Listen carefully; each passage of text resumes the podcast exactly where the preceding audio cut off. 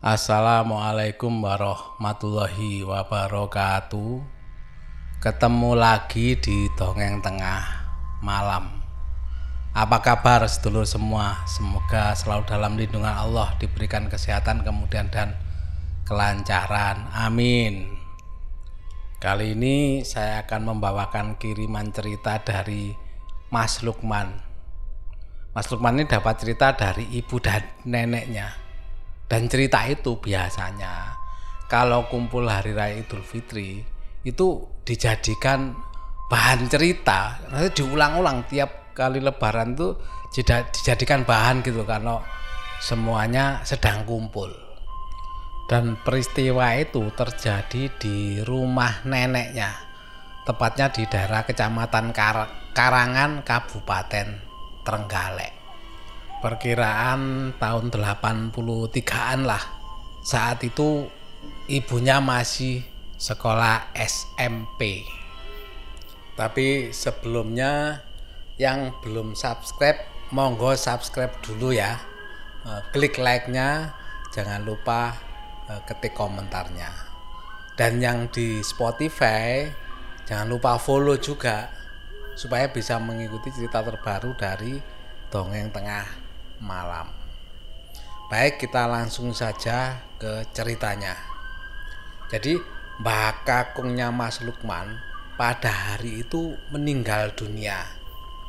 Karena memang Mbah Kakung ini eh, sudah lama menderita sakit ini, sudah berbulan-bulan lah. Bahkan sampai hartanya itu habis dibuat untuk berobat mengobati Mbah Kakung ini di desanya Mbak Kakung ini memang terkenal orang yang paling kaya di desa tersebut. E, bisa digambarkan ya, rumahnya Mbak Kakung ini luas bangunan rumahnya itu kalau dibilang dibandingkan ya itu sama dengan dua kali lapangan bola.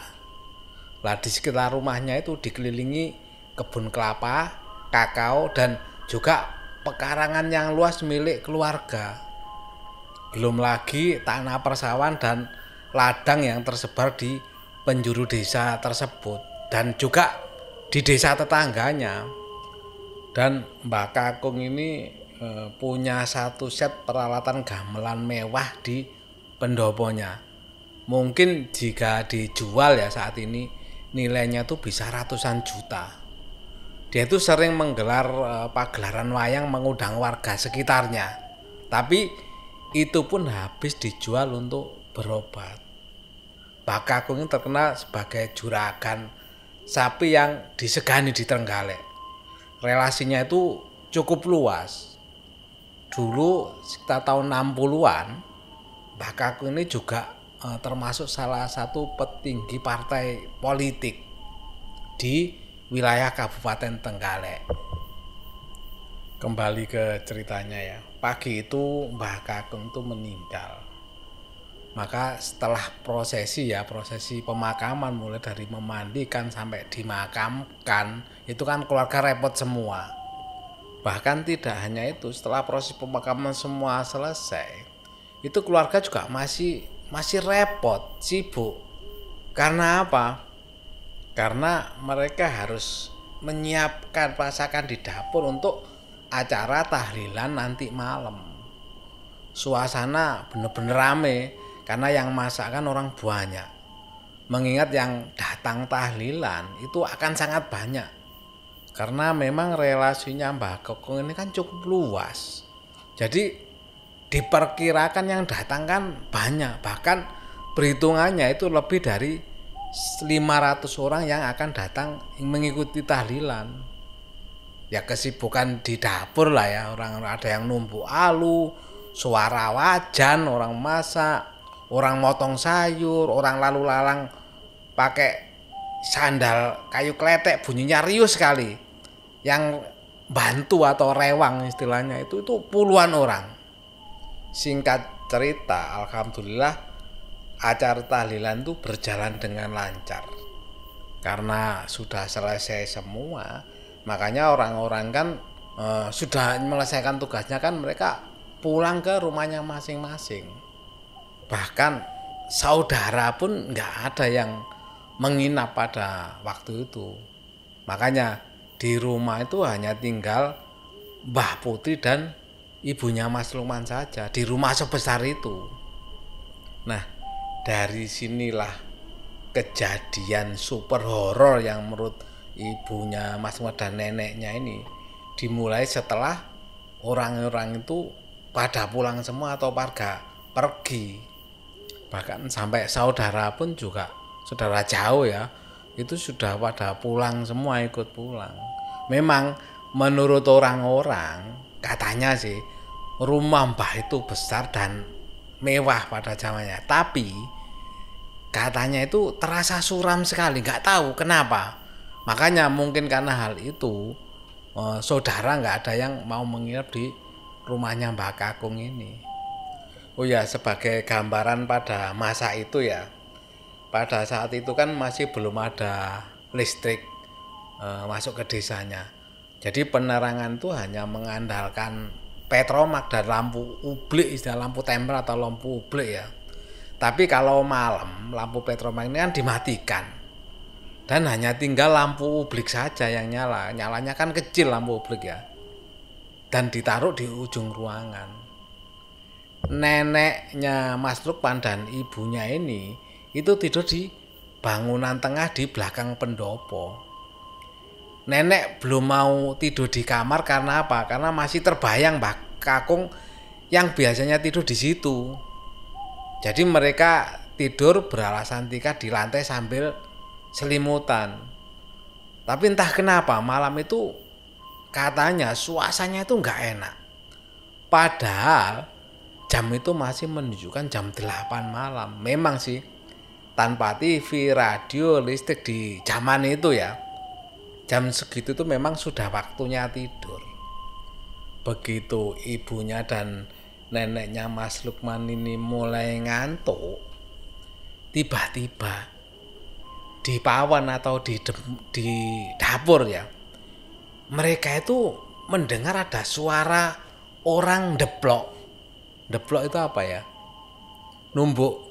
Maksudnya deplok alu itu menumbuk. Jadi suaranya itu bluk bruk bruk gitu kayak kayak orang menumbuk jagung nenek dan ibunya pun kaget tanpa bicara mereka itu saling tatap-tatapan kok aneh padahal nggak ada orang sama sekali kok seperti ada orang numbuk di dapur mendengar itu nenek pun berusaha menenangkan ibunya Mas Lukman ini dengan e, bicara ya wis menengo ndongoae Mas sudah diam, e, mari berdoa saja.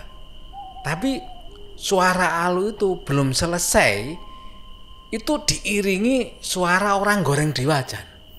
Jadi gak hanya suara alu orang menumbuk ya, malah dibarengi ada suara orang lagi goreng. Sreng, sreng, sreng.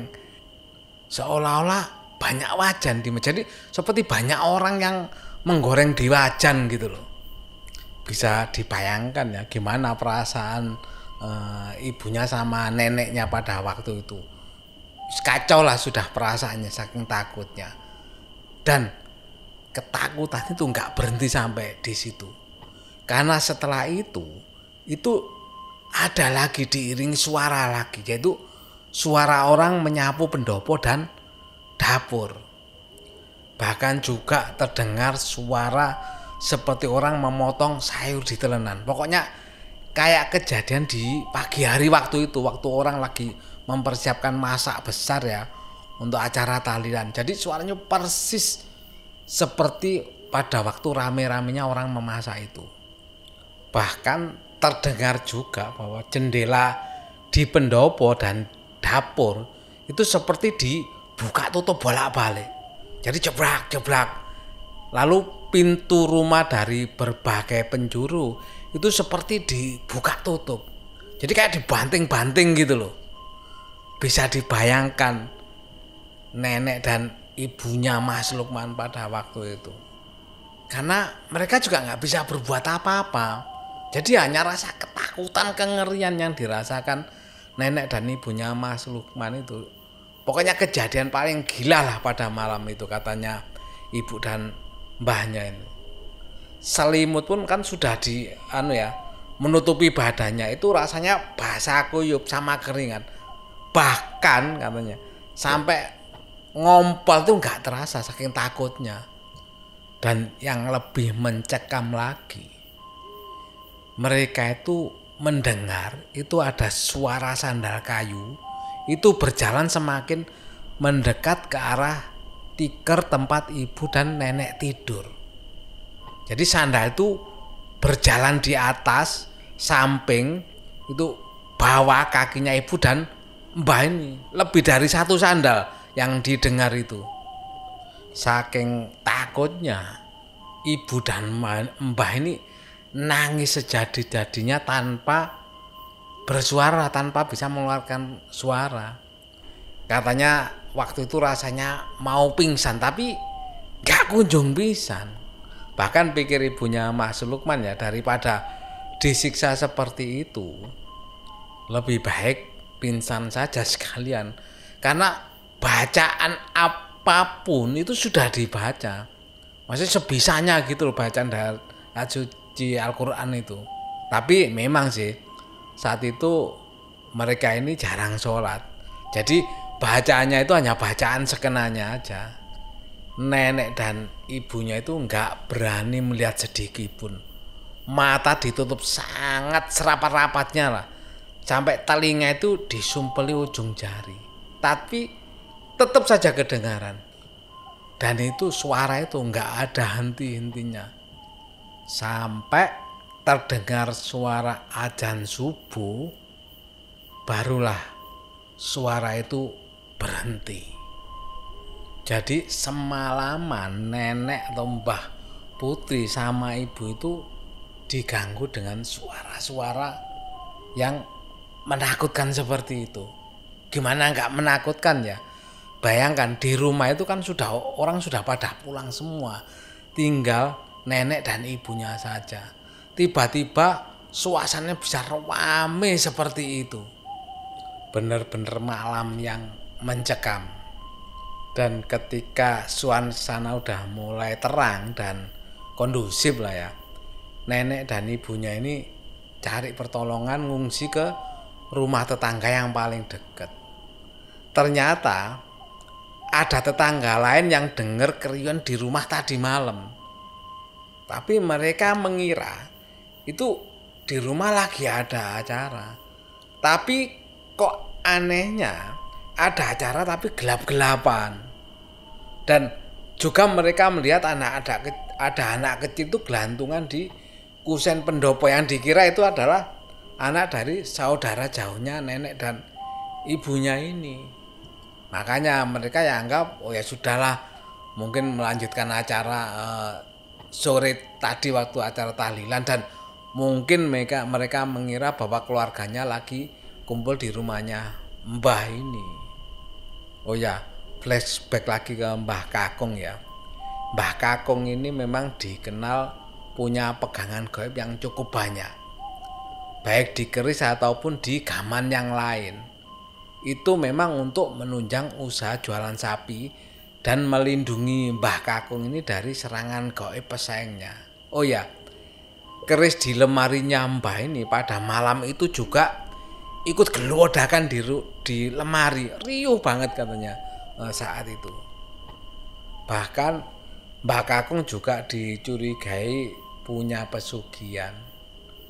Karena ia punya sembilan anak tapi anaknya itu mati berurutan dari pertama sampai kelima dan matinya itu juga tiba-tiba meninggal gitu aja seperti contoh kakak e, ibunya ya, yang nomor lima meninggal ketika tidur di peluk ibunya, di pelukan ibunya. Padahal malamnya itu sehat walafiat. Setelah anaknya yang kelima meninggal, hartanya Mbah Kong ini bertambah berkali lipat.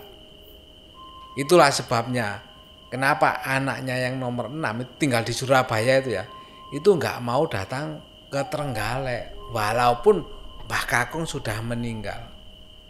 karena urutan berikutnya kan dia dan setelah Mbak Kakung ini meninggal urutan kematian anaknya yang gak wajar itu berhenti sampai sekarang empat anaknya itu masih hidup dan ibunya adalah anak terakhir ibunya Mas Lukman ini.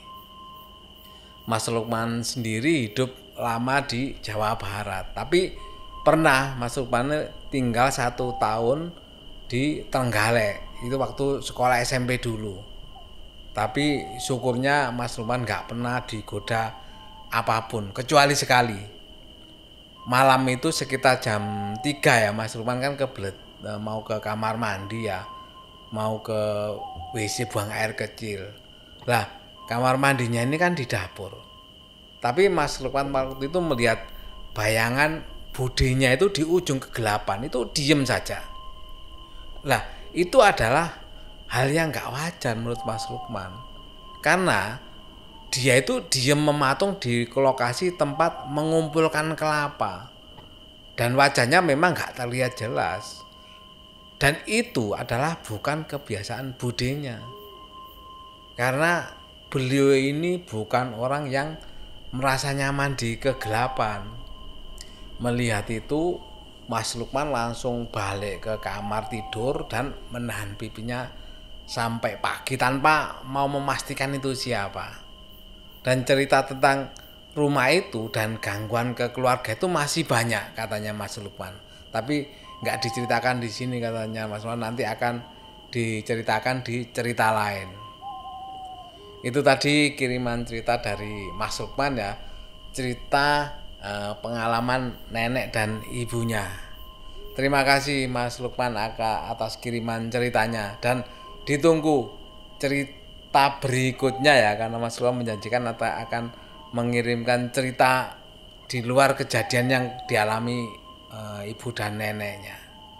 Sekali lagi terima kasih Mas Lukman atas kiriman ceritanya. Untuk sedulur dongeng tengah malam kalau ingin mengirimkan cerita bisa kirim ke email ya. Emailnya dongeng tengah malam at gmail.com nanti akan dibawakan Pak D di dongeng tengah malam ini. Dan juga terima kasih saya sampaikan kepada sedulur dongeng tengah malam yang mendengar cerita dari eh, Pak D ya tentang pengalaman nyata, kejadian nyata yang dialami dari para sedulur semua bahkan dari Pak D sendiri pada waktu kecil dulu. Oh ya sekali lagi yang belum subscribe jangan lupa subscribe dulu ya. Eh, klik Eh, like-nya, komentarnya jangan lupa dan ya Spotify jangan lupa follow supaya bisa mengikuti cerita terbaru dari dongeng tengah malam. Dan saya sampaikan terima kasih juga kepada sedulur semua atas komentar-komentar yang diberikan eh, baik itu untuk membangun karakter Pak D atau mengingatkan Pak D atau terima kasih telah eh, mendoakan Pak D. Saya sampaikan terima kasih dan dengan ucapan doa yang sama buat para sedulur semua. Demikian, terima kasih dan saya akhiri. Wassalamualaikum warahmatullahi wabarakatuh.